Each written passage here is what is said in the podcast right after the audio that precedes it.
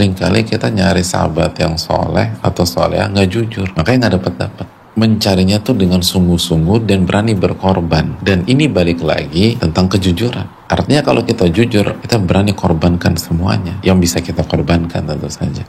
Abu Bakar As-Siddiq itu kan tinggalkan semua bisnisnya untuk menemani Nabi SAW menemani dan bersahabat dengan manusia terbaik di dunia. Modalnya seluruh bisnis belum tinggalkan seluruh properti belum tinggalkan seluruh teman-teman dan kampung halaman belum tinggalkan. Kenapa? bersahabat dengan manusia terbaik. Jadi ada harganya hadirin. Kita ini suka lupa bahwa bersahabat tuh ada harganya? Kita nggak mau keluar fulus Nabi SAW bersabda intas dukillaha kalau kita jujur sama Allah Allah akan wujudkan cita-cita kita. Kalau kita jujur sama Allah ingin cari teman yang soleh sahabat yang soleh maka Allah akan wujudkan cita-cita kita. Jujur. Bener nggak nyari yang soleh